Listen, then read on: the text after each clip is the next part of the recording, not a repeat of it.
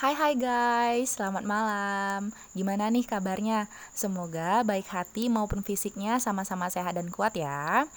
Hari ini podcast kesayangan kalian, podcast favorit kalian yaitu PHP, podcast bareng anak THP akan nemenin kalian lagi nih. Tentunya dengan tema yang super seru.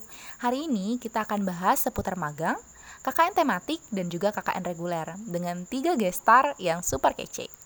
Dan pastinya moderatornya juga kece nih. Siapa lagi kalau bukan gue, Mesin Anjeliani dan Dan ya guys.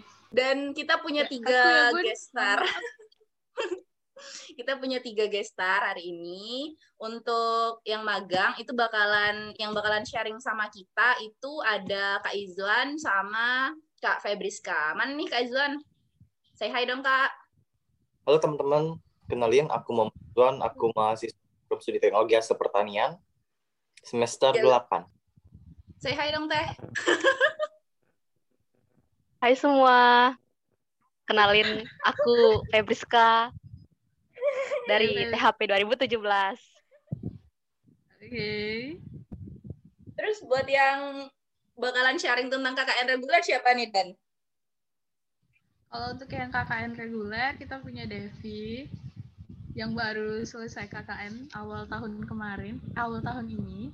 Mm-mm. Kenalan Kak. Hai. Hai, Nyok. Kak. Banget Kak, udah makan Kak? Alhamdulillah. Udah lebaran guys. Mari maaf-maafan dulu kita. Ya, maaf ya guys. Jadi kita mulai aja ya. Ya, mulai ya. Udah banyak nih kayaknya Kak yang penasaran bedanya magang sama KKN itu apa. Nah, jadi untuk kalian yang belum tahu, jadi kalau kalian udah kelas eh kelas sudah semester 7 atau semester 8 itu ada satu mata kuliah, itu mata kuliah yang diwajibkan itu KKN atau magang. Jadi kalian bisa milih mau KKN atau magang. Nah, di sini karena kita udah punya nih gue star yang bisa ngejelasin KKN dan juga magang, jadi kita mulai aja ya. Cuman di sini kita akan ngasih pertanyaan gitu sama gestarnya biar bisa berjalan dengan runut dan rapi gitu. Untuk pertanyaan pertama soal magang ya, bisa kami izin ditanyain sama gestar kita yang udah pernah magang. Di sini yang udah magang ada Kak Izwan sama Kak Febriska nih. Nah, buat kalian, kalian mungkin bingung ya, yang pendengar kita terutama dari adik-adiknya mungkin bingung bedanya magang sama PL itu apa sih? Terus bedanya magang sama KKN itu apa? Terus kenapa sih milih magang? Kenapa sih milih KKN? Kak Izwan mungkin bisa dijelasin dulu kenapa sih nggak milih KKN, Kak? Kenapa milih magang? Oke, boleh langsung nih ya, eh, Kak Messi sama Kak Dania. Jadi alasan aku sebenarnya pilih magang ya karena lebih berminat aja buat ke sana. Sebenarnya eh, semua baik KKN ataupun magang itu punya poin plus masing-masing sih dari eh, penilaian aku nih ya. Ini dari opini aku. Tapi karena sekarang kalau menurut aku tuntutan kerja itu lebih eh, dibutuhkan dari basic pengalaman tapi nggak menutup kemungkinan juga dari sisi sosial juga kita memang benar dibutuhkan gitu juga kan nah maka dari itu alasan aku pilih magang gitu. Iya, bener dulu deh. Mm-mm. ya Kalau kita ngeliat dari lapangan kerja sekarang emang seharusnya magang tuh penting banget ya, Kak?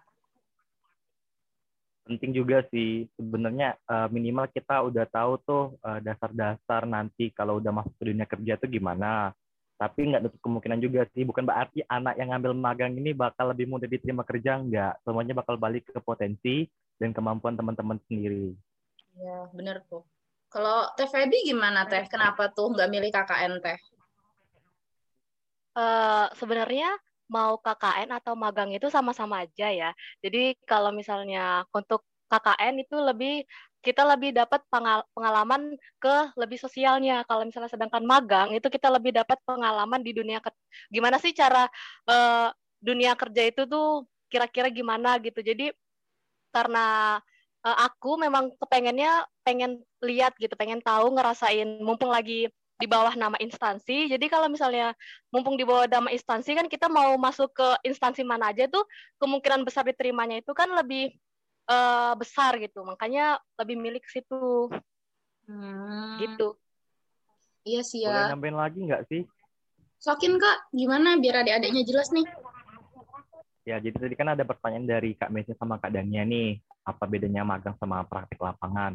Jadi sebenarnya kalau secara konseptualnya itu hampir mirip ya untuk dalam proses pengerjaannya. Cuman yang bedanya itu kalau praktik lapangan ya kita yang belajar di perusahaan, kita yang ngajuin judul kayak gitu kan, nanti perusahaan bakal nerima kan.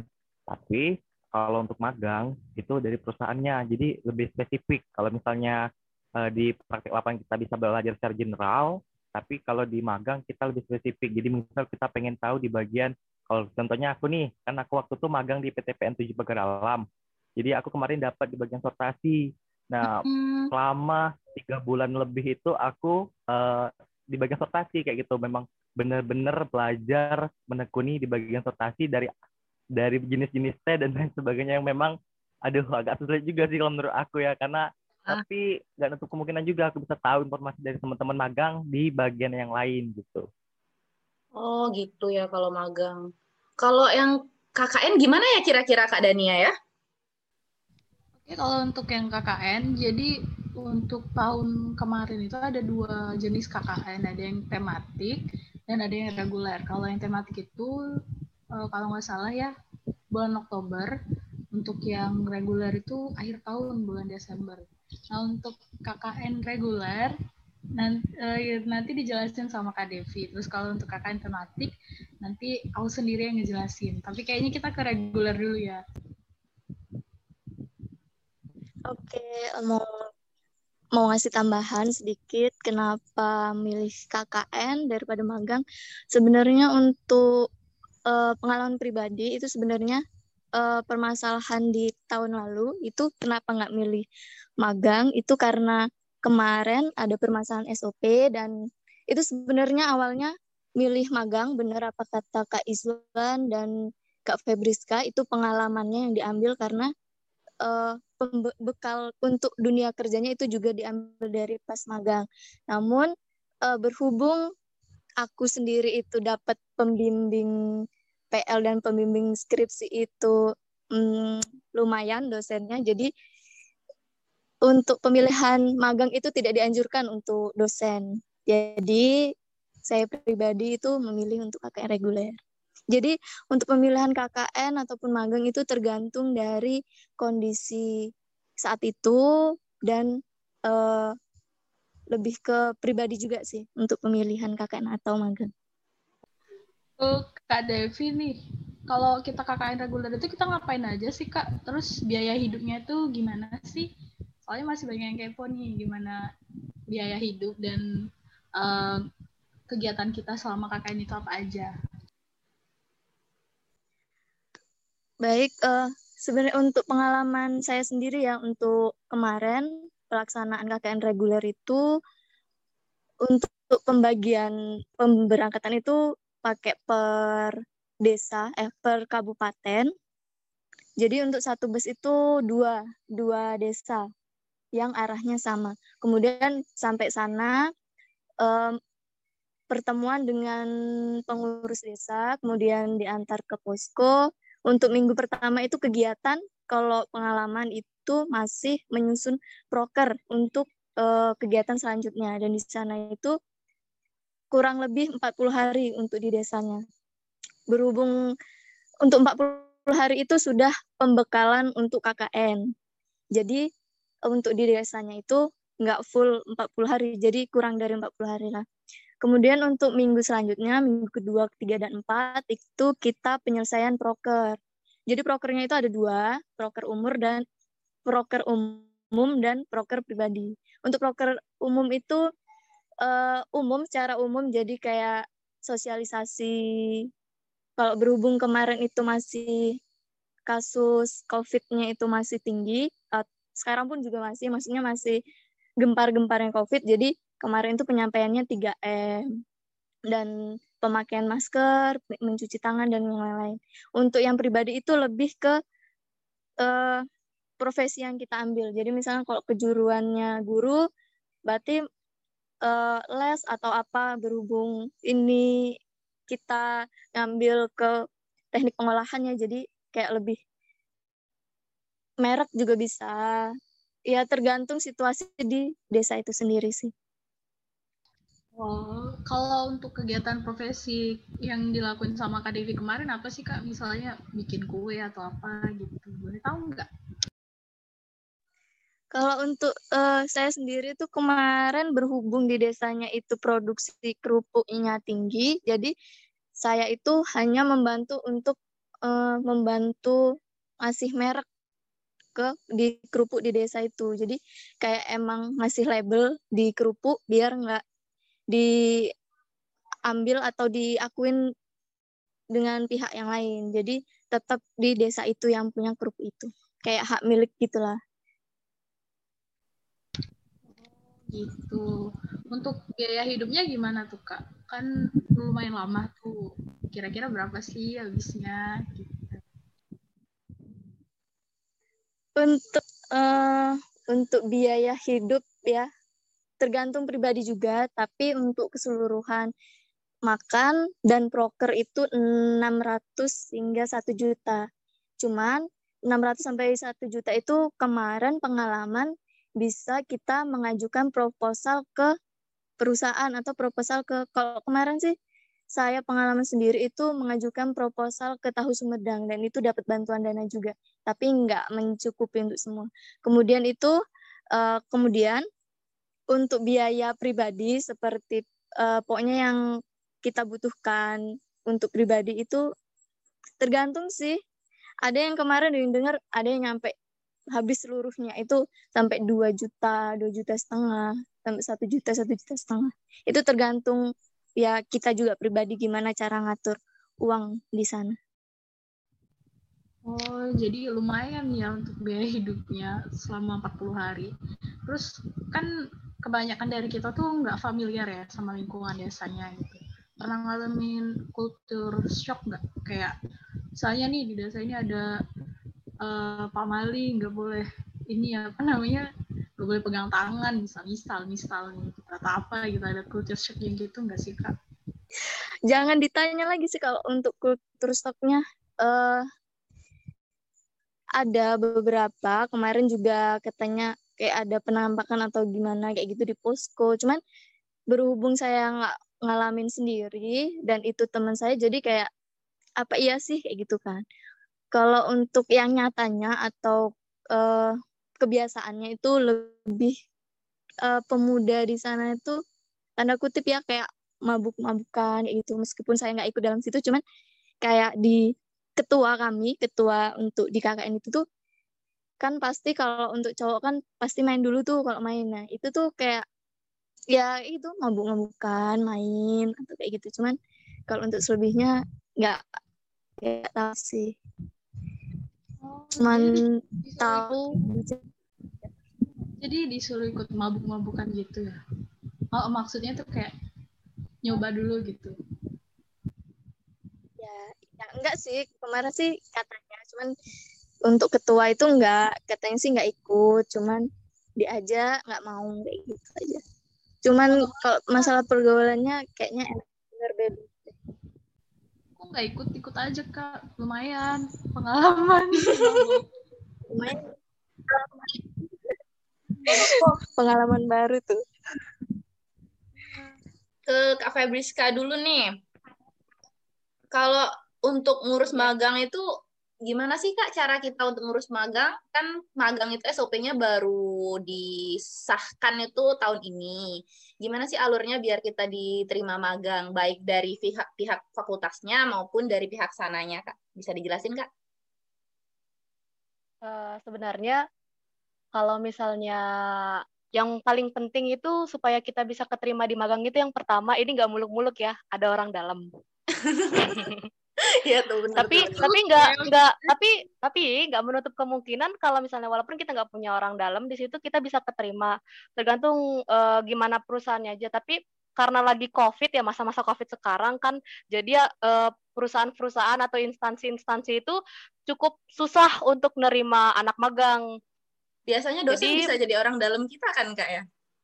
Iya, dosen juga bisa jadi orang dalam Pengalaman. atau eh, alumni atau orang tua pacar, orang tua mantan, eh, itu bisa jadi orang dalam semua. Yang penting kita bisa komunikasikan tujuan kita mau ngapain, terus tuh eh, kita juga ngasih surat ke bagian SDM-nya supaya bisa ditindaklanjuti nanti. Surat ini eh, surat permohonan magang Oh, seperti itu. Terus gimana teh? Tinggal nunggu apa gimana teh? Eh kak, Iya biasanya eh biasanya tinggal nunggu kalau misalnya waktu pengalaman aku kita tinggal nunggu itu eh kan biasanya magang tuh gantian jadi tinggal nunggu slotnya kapan gitu. Tapi nggak tahu Hmm. juga kalau misalnya yang Kak Izwan ya. Coba kalau Kak Izwan gimana? Kak Izun alur ke fakultas pakai nggak kak? Yang ribet itu loh kak. Sama. Iya, sebenarnya sama aja sih dengan yang dijelasin Febriska, tapi yang paling penting itu restu dulu sih dari dosen pembimbing. Karena ada beberapa nih buat teman-teman harus ngerti juga ya.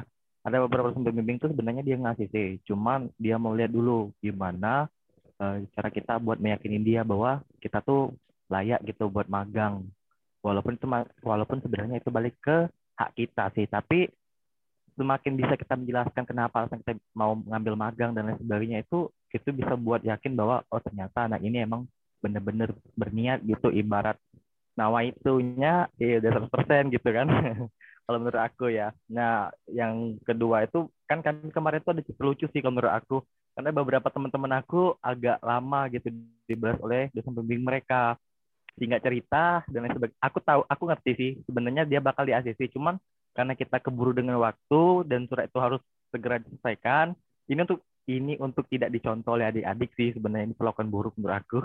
Eh, ya begitulah kita mengurusnya agak lebih cepat karena kita ber eh, kejaran dengan waktu dan alhamdulillahnya karena tadi benar kata Kak Feby ada salah satu alumni kita yang bisa kebantuin kita tapi nggak kemungkinan juga buat teman-teman untuk bisa apply di perusahaan-perusahaan yang memang skala multinasional dan sebagainya atau kepentingan sendiri tapi karena tadi balik lagi ke ada orang dalam tadi ya tadi kita bisa dibantu sih jelasnya tadi kan jadi bisa dapat eh, dapatlah bisa magang di PTPN 7 Pageralam gitu singkat ceritanya ya Kalau kata Pak Gatot tuh yang penting motivasinya ya kak. Nawaitunya harus bener dulu. ya that's right kalau menurut aku penting itu Eh, sebelum ke tempat magang kita harus ngapain nih kak? Harus survei lokasi kak atau gimana kak? Kalau menurut aku ya nanti mungkin Kak Pebi bisa nambahin itu paling penting kita tanya dulu sama teman-teman di kelas atau eh, teman-teman di teknik pertanian ada nggak rumah mereka yang tinggal di sana atau siapa? Nah kita Hmm. gali informasi atau mungkin dia bisa eh, bantuin untuk mencarikan penginapan kita. Karena kemarin di Pagar Alam kan sebenarnya eh, ada tuh tempat tinggal cuman emang karena lagi pandemi covid kita nggak bisa diizinin jadi kita harus tinggal di rumah warga Nah, kemarin tuh kita coba buat ngobrol sama teman kita di teknik pertanian, ya Budi, ya alhamdulillah ya Budi banyak ngerespon hal baik sih dan ngebantuin kita sama proses magang di sana, kalau menurut aku. Dan yang paling penting sih kita harus tahu dengan apa kalau kata pepatah tuh di mana langit di mana di mana bumi dipijak di situ langit dijunjung. Jadi mau zaman kita kita harus ngerti sama budaya kebiasaan masyarakat sana ya walaupun kadang kita culture shock sama kayak teman-teman KKN KKN tadi tapi yang penting juga itu sih harus tahu ya. Karena nggak enak juga kalau misalnya kita bawa kebiasaan kita dari kampus ke tempat orang sampai kayak orang mikir ini anak-anak nih ya mikirnya mikirnya negatif lah kayak gitu kan. Itu sih kalau dari aku ya.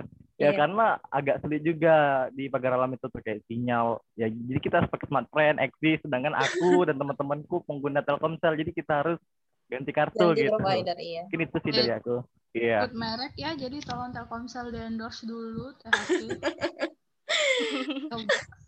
Kalau Kak Febriska di Jawa kan ya Kak, jauh tuh. Gimana tuh cara Eh, survei lokasinya?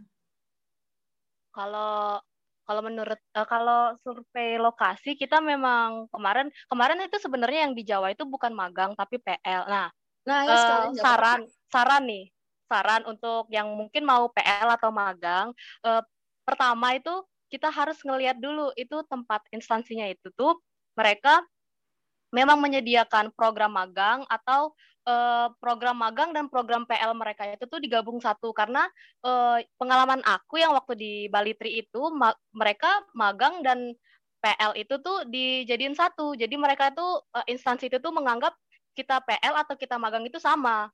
Oh. Terus yang kedua, yang kedua kita uh, harus cari-cari info dulu. Uh, di instansi itu tuh pas kita magang atau pas kita PL kita ngapain biar nggak kata orang Palembang tuh tekacip gitu ya kan tahu sendiri kan ya biasanya kan desas-desas magang itu anak-anak magang disuruh ngapain gitu kan takutnya nanti kalau kita nggak nggak nggak cari tahu kita di situ mau ngapain kita di situ bakal ngapain kita bakal tekacip gitu hmm, kayak dari pengalaman tuh kan ya tahu sendiri anak magang disuruh inilah itulah. Bukannya kita ngerjain project tapi malah disuruh fotokopi terus tuh disuruh ini disuruh itu. Jadi lebih baik uh, cari tahu dulu dari pengalaman-pengalaman kakak tingkat atau dari pengalaman teman-teman yang sudah magang atau sudah PL seperti itu. Sedangkan untuk loka, uh, survei lokasi sendiri kemarin kita nggak survei lokasi karena jauh kan, jadi paling ngelihat ngelihat doang dari ininya apa uh, dari maps gitu-gitu ngelihat daerah-daerah Sukabumi itu gimana. Dan kebetulan uh, karena aku memang udah pernah tinggal di sana jadi agak lumayan hafal dengan daerah-daerah situ. Gitu. Tuh harus didengerin tuh tips trik dari kakaknya sebelum ke tempat magang. Kita tuh harus apa-apa aja. Jangan langsung tiba-tiba datang ya kak. Karena diterima tiba-tiba datang nggak tahu mau tinggal di mana dan lain sebagainya juga ada culture shocknya uh, mungkin sekali. kak Dabu bisa. Eh Kak Dania. Kak Dabu. Oke. Tadi udah dengarkan uh, tips and trick untuk magang. Terus sudah tahu cerita-cerita selama KKN reguler ada program satu lagi nih KKN juga tapi beda sama KKN reguler. Dan, Atau Kak aku sendiri yang ngalamin itu itu KKN tematik tapi kayak nggak enak ya aku jelasin sendiri tolong dong moderatornya Jadi guys, tahun kemarin itu karena COVID ya, karena COVID-19 itu benar-benar lagi gempar-gemparnya, eh, KKN yang semestinya reguler itu dialihkan jadi KKN tematik. Nah, KKN tematik ini cuma segelintir yang daftar kayaknya, nggak semua jurusan, nggak kayak KKN reguler kan. Salah satu yang berkesempatan merasakan KKN mati ini. Kak Dania. Sendirian gitu kan. Sendirian di rumah online. Bisa dong Kak diceritain KKN tematik itu kenapa waktu itu memutuskan untuk apply di KKN tematik Kak? Ya, sebenarnya tuh pengennya sih ya pengen itu KKN reguler. Tapi kemarin tuh ada banyak banget desas-desusnya kayak KKN reguler nggak jadi kalau nggak nggak ikut yang ini nanti nggak bisa ikut KKN lagi atau KKN-nya tahun depan. Merasa ya, terhianati nggak sih kak? Banget terus kayak ya udah deh akhirnya apply di KKN tematik. Padahal padahal sebenarnya tuh kayak pengen banget KKN reguler dengar cerita dari kakak tingkat dari teman-teman yang pernah KKN reguler tuh kayak aduh seru banget ya gitu pengen banget tuh KKN reguler tapi mungkin lebih ditakdirkan di KKN tematik jadi ya udah harus terima gitu. terus gimana tuh alur pendaftarannya sampai bisa uh, melaksanakan KKN tematik itu kak? Kalau alur pendaftarannya itu sama sih kayak KKN reguler. Jadi ya kita ngajuin apa berkas gitu ke apa ya namanya ya? Apa sih namanya? LPPM betul betul. Itu kan kita ngajuin berkas aja situ. Terus ntar oke okay, kamu keterima gitu. Soalnya kan kakak tematik gitu. Jelasin dulu ya kakak tematik itu. Iya bisa dibilang KKN darurat ya karena situasinya lagi covid kemarin. Terus uh, apa sih yang ngebedain? Kalau KKN reguler itu kita kan ke desa-desa ya yang nggak satu daerah sama kita gitu kalau KKN tematik kita itu KKN di desa kita sendiri, di rumah kita sendiri, di lingkungan sendiri dan sendirian. Jadi kayak aduh KKN KKN jomblo sih bisa dibilang ya. Benar sendiri banget gitu. Walah, berarti biayanya jadi lebih murah dong kak? Soalnya kan di rumah sendiri. Kalau biayanya murah sih jauh, makanya kayak kayak nggak ngeluarin biaya mau ngeluarin sih cuman ujung-ujungnya tuh balik lagi ke kita gitu loh. Jadi kan kalau KKN tematik kemarin itu temanya itu kan Destana ya desa tangguh bencana kalau nggak salah nih cuy mohon maaf. Jadi uh, di KKN itu tuh kita kayak bikin proker um, selain proker profesi itu ada proker umum. Jadi proker umumnya itu kita mewawancarain pejabat desa gitu kayak Pak Kades, sekretarisnya atau siapanya gitu tentang geografi desa itu gitu tentang lingkungan itu. Misalnya nih misal uh, penduduknya ada berapa cowok cewek ibu hamil terus yang difabel berapa gitu. Jadi kita tuh mau wawancara gitu loh. Ibaratnya kalau penelitian tuh itu penelitian kualitatif gitu kan. Survei gitu ya? Iya survei-survei gitu. Sampai kemarin tuh uh, disuruh liatin di desa itu tuh ada berapa masjid ada berapa pelayanan kesehatan, transportasi kayak gitu-gitu. Jadi kayak lumayan gampang sih. Terus kalau untuk prof, uh, proker profesinya itu tuh disesuaikan. Cuman kemarin ini tuh kayak copycat ya. Hampir semua peserta KKN tematik itu proker itu mirip-mirip kayak bagi-bagi jamu, terus uh, apa sih namanya?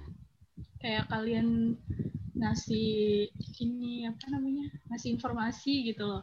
3M segala di masker kayak gitu-gitu. Ya sebenarnya standar sih.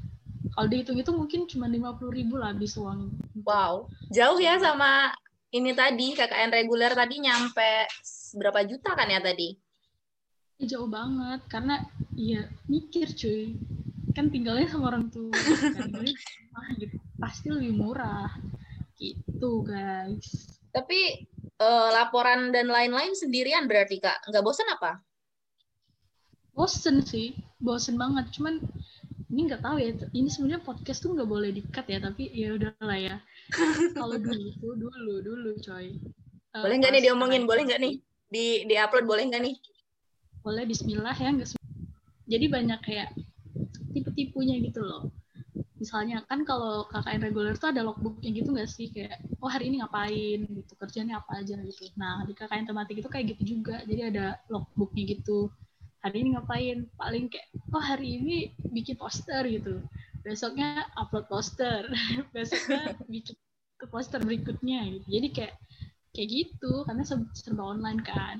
Jadi lebih gampang sih. Enak untuk teman-teman yang mager tuh recommended banget KKN tematik. Karena mantep banget gitu guys. Iya bener tuh. Oh iya kalau laporan gitu tadi laporannya sendiri sendiri sih. Sendirian ya? Gampang kok gampang. Karena nanti juga laporannya di apa digabungin gitu. Wah, oke oke. Keadaannya kayaknya udah udah paham banget ya uh, inti dari KKN tematik. Kalau misalkan di magang gimana nih Kak? Apa tuh yang harus dipahami di lingkungan magangnya dan tempat tinggal di sana juga apakah harus dipahami atau gimana? Mungkin Kak Izan bisa duluan baru dilanjut Kak Febi. Uh, sama sih kayak teman-teman di KKN. Jadi mungkin kalau di tempat aku kemarin kan uh, agak riskan ya kalau kita masih uh, ngobrol atau bertamu di rumah orang di atas jam 9 atau buat keributan. Karena kan ya namanya kita lah ya uh, no party party no life kayak gitu ya. Iya masih muda. Di... masih muda loh kita nggak apa-apa loh. Kita kan sering kumpul uh, mengeluh mengeluarkan keluh kesah kita. Terus ada teman-teman juga waktu itu kita masih kuliah kalau nggak salah kuliah eh, kuliah online ya jadi masih ngerjain tugas masih ini dan itu kan biasanya sampai jam 11 sampai jam 12 gitu mm. ya mungkin karena pertama sih kita emang nggak belum kenal sama lingkungan uh, di hari-hari selanjutnya mungkin kita udah paham jadi kita nggak terlalu ribut udah kalau misalnya kita tetap kumpul tapi kalau misalnya udah jam 9 ke atas kita nggak boleh kayak buat ribut gitu karena kenapa karena tempat kami ngumpul yang itu tuh di rumah para ciwi-ciwi di rumah cewek-cewek oh, dan rumah iya. Ya, oh, jadi, jadi malam-malam masih kumpul sama cewek ya. Oke, okay, nice kumpul kebo. Eh, kayak KKN reguler apa kabar satu rumah? Iya, betul. Lanjut Kak Izan. Ya. Sok, lanjut Kak, dijelasin. Ada iklan tadi. Kalau rumah cowoknya kan di bawah, kita tinggal sama Pak D, ya. Pak Detanang, eh, Pak Detanang itu udah kita anggap sama kayak bapak kita sendiri, yang rela bukain pintu kita setiap jam 11, jam 12 malam. uh, jadi ikatnya gini tem uh, tempat penginapan teman-teman yang cewek ini di atas. Jadi kalau pesan yang kita ribut kita teriak-teriak tuh dengar sampai ke bawah. Dan nggak enak juga kan bakal jadi ya you know lah pergi bahan hmm ibu-ibu. hmm, akhirnya digibahin juga ya. Ya gitu. Itu sih yang penting tuh kita harus ngerti bahwa lingkungan kita gimana dan kita harus bagaimana. Mm -hmm. itu sih itu dari Kak Izwan nih. Kalau dari Kak Febriska gimana nih? Apa tuh yang harus dipahami dari lingkungan magang saat kita tinggal di sana, Kak? Uh, kalau magang karena nah, karena aku kan uh, tinggalnya di rumah temen, jadi ya nggak terlalu ini. Tapi kalau misalnya pas di tempat magangnya itu kita memang harus memperhatikan sikap ya, walaupun kita udah baik gitu ya, namanya tempat uh, tempat kerja no gibahin anak magang, no gibahin teman satu kerjaan itu kayaknya no life gitu.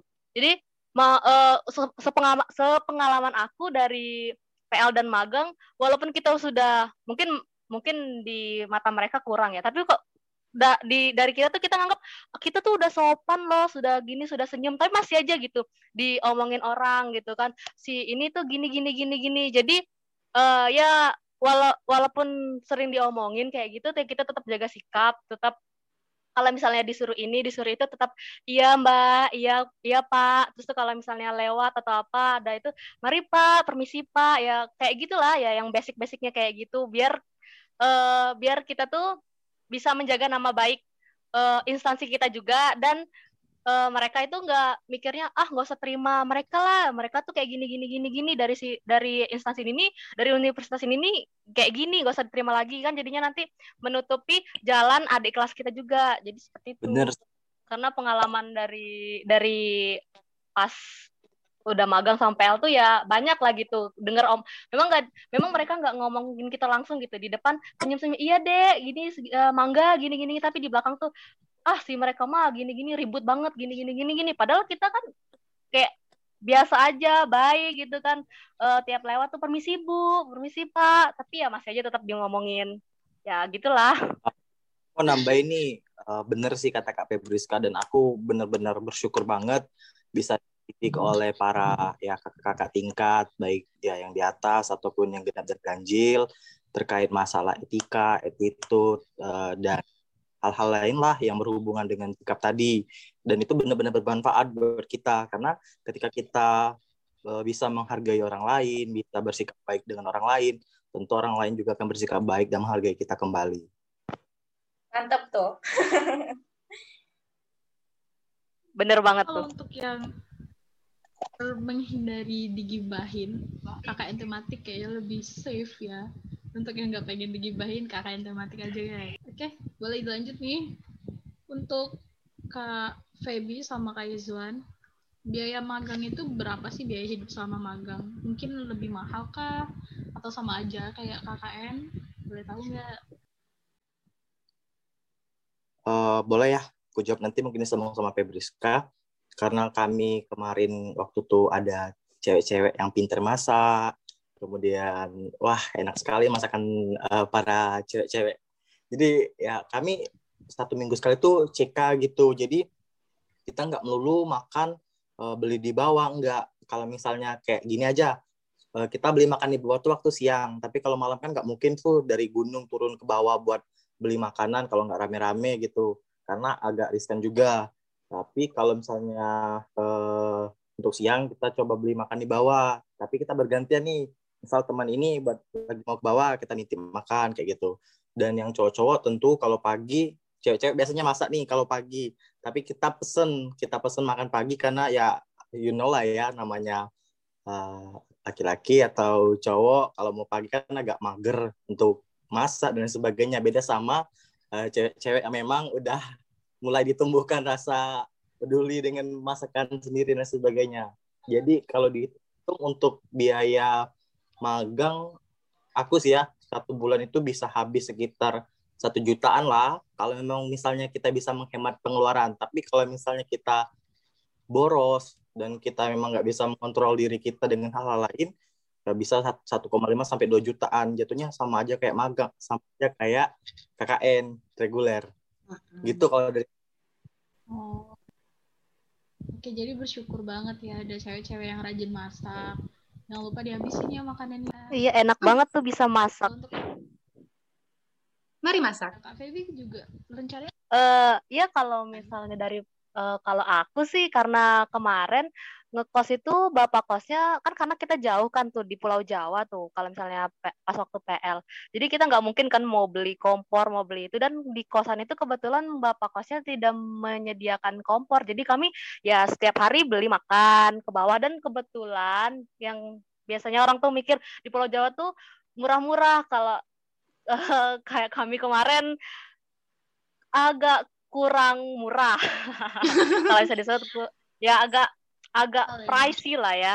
Jadi kemarin tuh kalau misalnya sebulan itu habis satu juta sampai 2 jutaan untuk makan, terus tuh sama modal apa akomodasi ke tempat balitrinya naik angkot gitu kan satu kali ke sana itu 3000 pulang pergi paling 6000 sebelum belum lagi kita mau ke pasar gitu naik angkot lagi jadi ya bisa 10 ribuan gitu sekali jalan Kalau ditotalin kayaknya mahal banget itu ya Kak Udahan.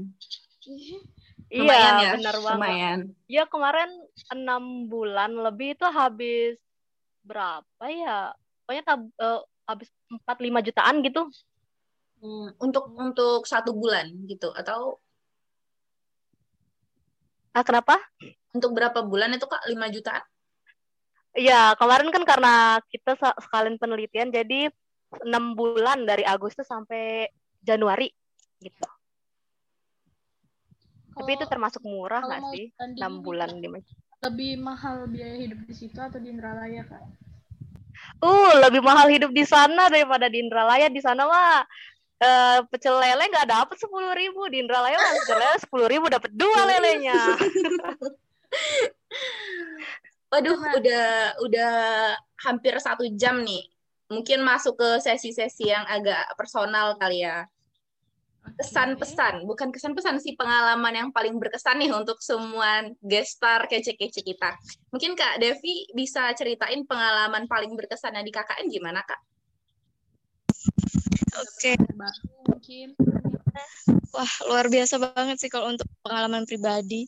Siap mental, mental hati, mental eh, pikiran, mental semuanya lah kalau untuk reguler ini karena kita ketemu orang-orang baru kali ya.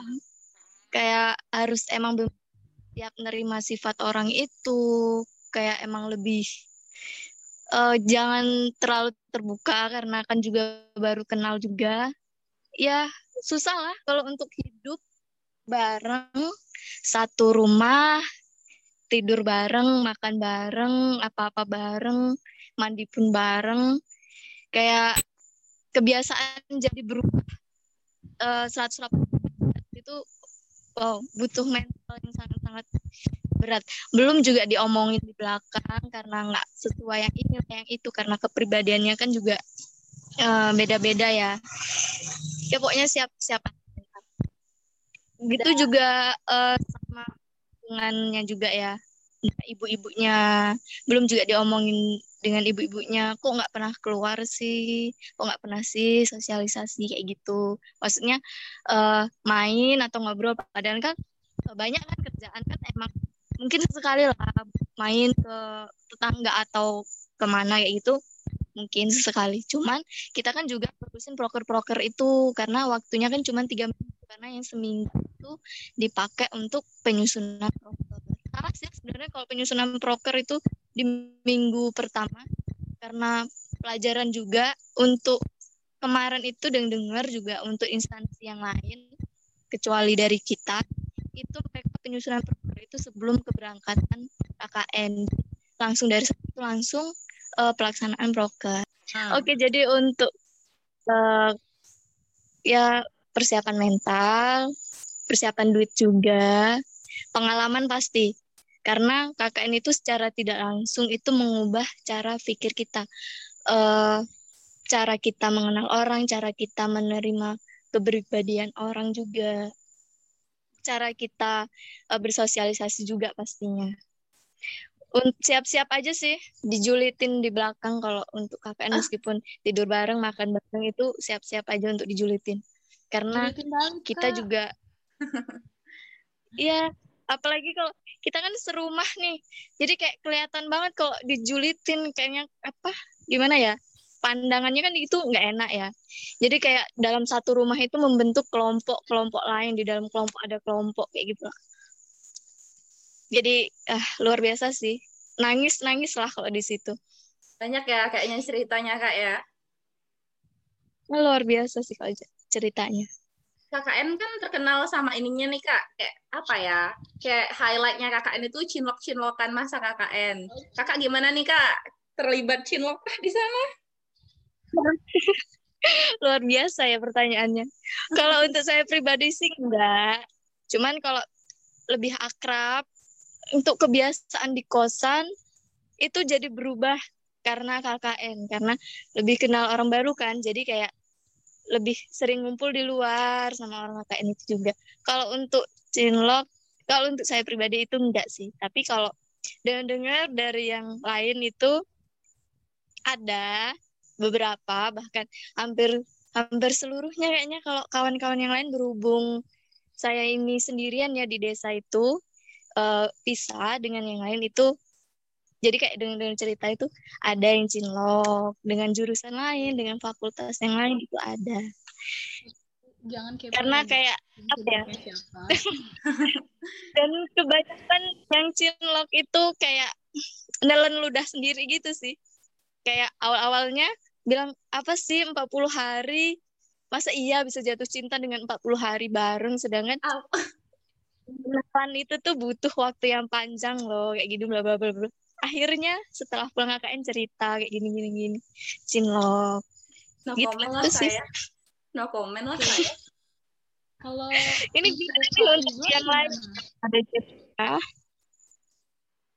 Kan Gimana, Mother? Kak- Karena cinlok.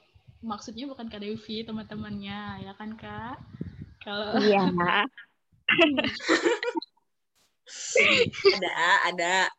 How can Uh, people fall in love only in 40 days, guys? kalau untuk Kak Feby sama Kak Izwan, cinlok mungkin kan kalau Kak Feby ini mana nih? Misalnya sama adik-adiknya. Pengalaman berkesannya Kak gimana nih sama cinlok-cinlokannya? Kalau cinlok kayaknya nggak ada karena di instansi itu bapak-bapak semua ya. Nggak mungkin kita mau ny- nyuri suami orang kan. Tapi kalau eh, untuk pengalamannya pas lebih ke PL ini ya, pengalamannya itu wih, lebih luar biasa banget. Eh, pertama kita bisa ketemu dari teman-teman dari univ lain kayak Unpad, UNEJ, terus tuh Unsud, terus tuh eh, Un UNS dan lain-lainnya. Terus eh, di Bali Tri sendiri tuh sebenarnya kita itu hoki banget.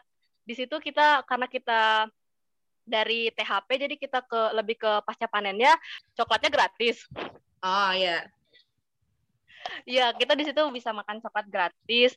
Terus eh, kita juga diajak untuk karena kami itu eh, PL-nya itu tentang coklat, jadi kita diajak untuk panen kakao, panen sendiri karena mereka punya kebun sendiri kan. Jadi bisa panen sendiri sampai manjat-manjat pohon kakao sendiri.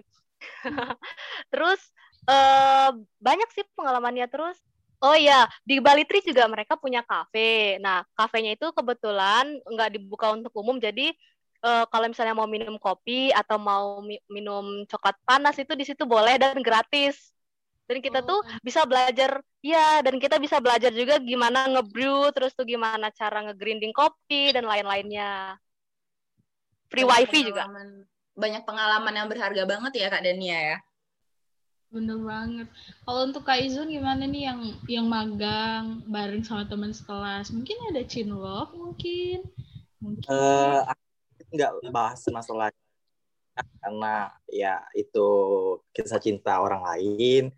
Aku cuma bisa melihat kebutuhan sama magang yang lebih berkesan buat aku sih. Pertama mau pesan buat teman-teman jangan jaim, please. Teman-teman jangan jaim, Eh, nggak boleh jaim tapi tetap jaga sikap karena benar tadi kata Pebi di tempat magang itu kita bukan cuman ya dari kita unsur doang bukan. Ada universitas lain kita mungkin harus lebih akrab kita kenalan kayak gitu. Jadi itu bisa menambah networking kita. Kemudian yang paling menyenangkan itu di sesi waktu istirahat. Kita bisa makan naskar uh, naskar berapa ya? 72 atau 82 lupa aku. Naskar itu emang bener-bener enak dan aku menyarankan buat teman-teman yang lagi di kota pagar alam nanti coba naskar itu sama model kriuk di depan PTPN 7 Wih, okay. itu ya. Ya, kalau menurut aku itu sih. Kalau selebihnya ya namanya. Ya, aku merekomendasi. Karena menurut aku ya, itu tadi sih. Oh ya, satu lagi. Yang paling menyenangkan menurut aku, kita sebenarnya bisa mengimbangi antara magang dengan bersukaria ya. Kita bisa, kami waktu itu ngecamp, ya oh. kebiasaan kita gabut ya saking gabutnya kita ngecamp kita berenang di air terjun. Uh, terjunnya bukan di air terjunnya nanti mati kalau jatuh. Ke pantai sebelum kita pulang kita nyempetin untuk ke pantai ke mana eh ya ke mana kalau nggak salah ke Bungkulu Selatan. Kita ya refreshing lah ya namanya anak muda no hiburan no life kayak gitu. Jadi memaksimalkan lah di dibarengi biar nggak terlalu stres gitu. Tapi pulang-pulangnya masih banyak stres juga karena ya laporan harus banyak direvisi. Ya begitulah suka dukanya anak magang. Benar benar. Benar banget sih. Kalau kakak Dania yang kakak tematik sendirian ngerasain gak kak? Ya mungkin cinlok bun. Mohon maaf. Sendirian. Cinlok sama bapak bapak ini bapak di kantor kelurahannya. Oh enggak siapa tahu bisa cinlok dari lewat zoom kan kak oh iya benar biar dedi tuh. Dari chatan terus di ghosting gitu kan. Oh, lihat foto profilnya kan wow gitu kan. Chat ah gitu. Virtual udah udah zamannya virtual sekarang kak. Kalau kalau KKN tematik tuh nggak ada. Sebenarnya itu dulu pengen banget ngerasain KKN reguler. Karena katanya katanya katanya tadi ya kan mitosnya kan bisa cinlok gitu loh. Cuman kayaknya emang dari dari awal netnya itu udah jelek gitu kan mm. jadi Tuhan tuh bilang kayak lu banyak tingkah niat lu dari awal udah jelek coy. Mending lu masuk ke matematik gitu. Tanyain dong moderatornya kelibat cinlok atau enggak nih? Gue KKN reguler anjir. Ya gimana nih Kak Mesin? Cinlok nggak? Kayaknya cinlok nih. No komen ah pengen ditanya doang cuma nggak mau komen. Hmm. biasanya cinlok gara-gara KKN itu nggak nggak langgeng aku sebagai kaum Adam menyarankan untuk tidak melakukan uh, cinta secara virtual karena itu sangat menyakitkan. Thank you. Gimana? Aduh. Uh, kayaknya kita wow. udah sampai di penghujung acara. Jadi buat ke satu dua tiga empat guys kita, mungkin ada yang mau disampaikan nih entah ke adik-adik kah atau ke seseorang yang mungkin mendengarkan podcast ini. Mungkin dari Kak Dania bisa mulai duluan tuh Kak. Mau nyampein apa? Kalau kalau yang mau disampaikan apa ya? Jadi kalau dari aku, untuk adik-adik siapin benar-benar disiapin terutama perdokumenannya. Terus tentuin dari hatinya mau ikut KKN atau magang karena mereka semua itu punya plus minusnya masing-masing. Terus ya itu tadi kalau kalian anaknya introvert banget dan malu dan males KKN tematik adalah jawabannya, jadi silakan ikut KKN tematik teman-teman. Tapi nggak akan ketemu sama cowok-cowok I mean sama calon-calon future husband gitu. Itu aja sih. Itu kalau dari Kak Dania. Kalau dari Kak Devi gimana nih Kak? Ada yang mau disampaikan? Mungkin sama seseorang yang mungkin akan mendengarkan podcast ini nanti Kak. mungkin untuk adik-adik aja kali ya. Kalau untuk seseorang belum ada untuk seseorang. Untuk adik-adik, uh, lakukan semua yang kalian pilih itu dengan pikiran jernih, dengan dewasa. Jangan ngambil keputusan terlalu keburu-buru. Pokoknya jalani. Kalau emang keputusan kalian nggak diberi jalan ke situ, pokoknya jalani aja yang emang udah dipilih sama Allah. Karena biasanya meskipun rencana kita nggak dijabah dengan yang di atas, itu pasti yang di atas lebih tahu mana yang terbaik buat kita. Udah sih cukup. Ya Allah, bener. Turutin apa kata Allah. Eh apa kata Allah apa yang ditunjukkan oleh Allah. Gue udah tinggal masuk lab di Bepom. Ujung-ujungnya masih KKN karena terhalang SOP Teh Febi ada yang mau disampaikan nggak Teh? Kak, Uh, Kak kalau Febriska. untuk Teh Febi, Kak Febriska nggak apa-apa lah. Kalau untuk aku, untuk adik-adik, eh, semangat dan jangan pantang menyerah kalau misalnya sering ditolak sama perusahaan atau instansi untuk melakukan magang atau PL, terus berusaha chat, kirim email, siapa tahu kalian bisa diterima di instansi atau di perusahaan yang bagus dan kalian bisa di pro, eh, apa ya di fasilitasi untuk melakukan penelitian juga di sana. Seperti itu. Semangat terus adik-adik, apalagi adik-adik yang sekarang 2020, 2021 yang belum pernah ke kampus, semangat. semangat virtual kalau dari Bapak Bupati kita mantan Bupati gimana Pak Izwan Aduh, agak ngeri. Enggak, Bapak Bupati. Aku mau memang lagi fase insecure buat teman-teman 2018. Kan adik-adik ini mungkin lagi fase insecure nanti ke depan. Kenapa teman-teman aku bisa lebih duluan?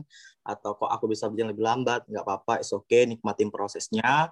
Eh, kalau lagi capek, istirahat. Em, kalau memang lagi nggak nggak usah dipaksain. Karena eh, kamu juga berhak untuk tetap bahagia. Itu poin pertama menurut aku. Terus yang kedua, eh, jadilah pribadi yang tahan banting, jangan mudah menyerah karena ya mungkin teman-teman mikir bahwa kita selama ini kuliah hahaha hahaha belum ngerasain yang namanya susahnya, capeknya, eh, penatnya dan memang lagi di fase jenuhnya kayak gitu. Tapi nik, eh, percayalah sesulit apa pun yang kamu alamin sekarang itu bakal jadi hadiah besar dan terbaik buat kamu ke depannya nanti dan tetap semangat jaga kesehatan karena kita nggak tahu kapan pandemi bisa ber kapan pandemi COVID-19 ini berakhir yang jelas eh, aku mau buat eh, jaga diri jaga keluarga jangan terlalu sering kumpul-kumpul keluar karena eh, kesehatan itu penting nomor satu. Itu aja sih. Benar benar. Benar banget tuh semua yang dibilangin sama gesta-gesta kita semuanya benar. Jadi buat kalian semua yang baru mau atau belum mengambil magang atau KKN baik tematik maupun reguler itu harus dipertimbangkan kelebihannya apa kekurangannya apa. Jangan ambil yang mudah aja tapi juga pertimbangkan prioritas kalian kalian perlunya apa. Kalau misalkan kalian lebih urgent untuk magang ya kalian ambil magang. Kalau misalkan kalian lebih pengennya kata hati kalian mau KKN eh, pilih KKN nggak masalah itu tergantung kalian nawaitunya gimana. Dan buat kamu yang mungkin mendengar podcast ini apa kabar PKM-nya lulus nggak? Gitu aja. Sekian mungkin podcast hari ini. Eh, banyak banget udahan yang bisa kita ambil poin-poin dari penjelasan-penjelasan kakak-kakaknya buat jadi pertimbangan ke depannya selama satu jam kita udah menemani eh, teman-teman sekalian adik-adik sekalian semoga bermanfaat saya moderator Miss Anjeliani dan Dania. Oke, sampai jumpa di podcast berikutnya ya. Jangan lupa di like, komen, share. bye bye bye Bye-bye. bye bye Bye. dadah semuanya Bye-bye.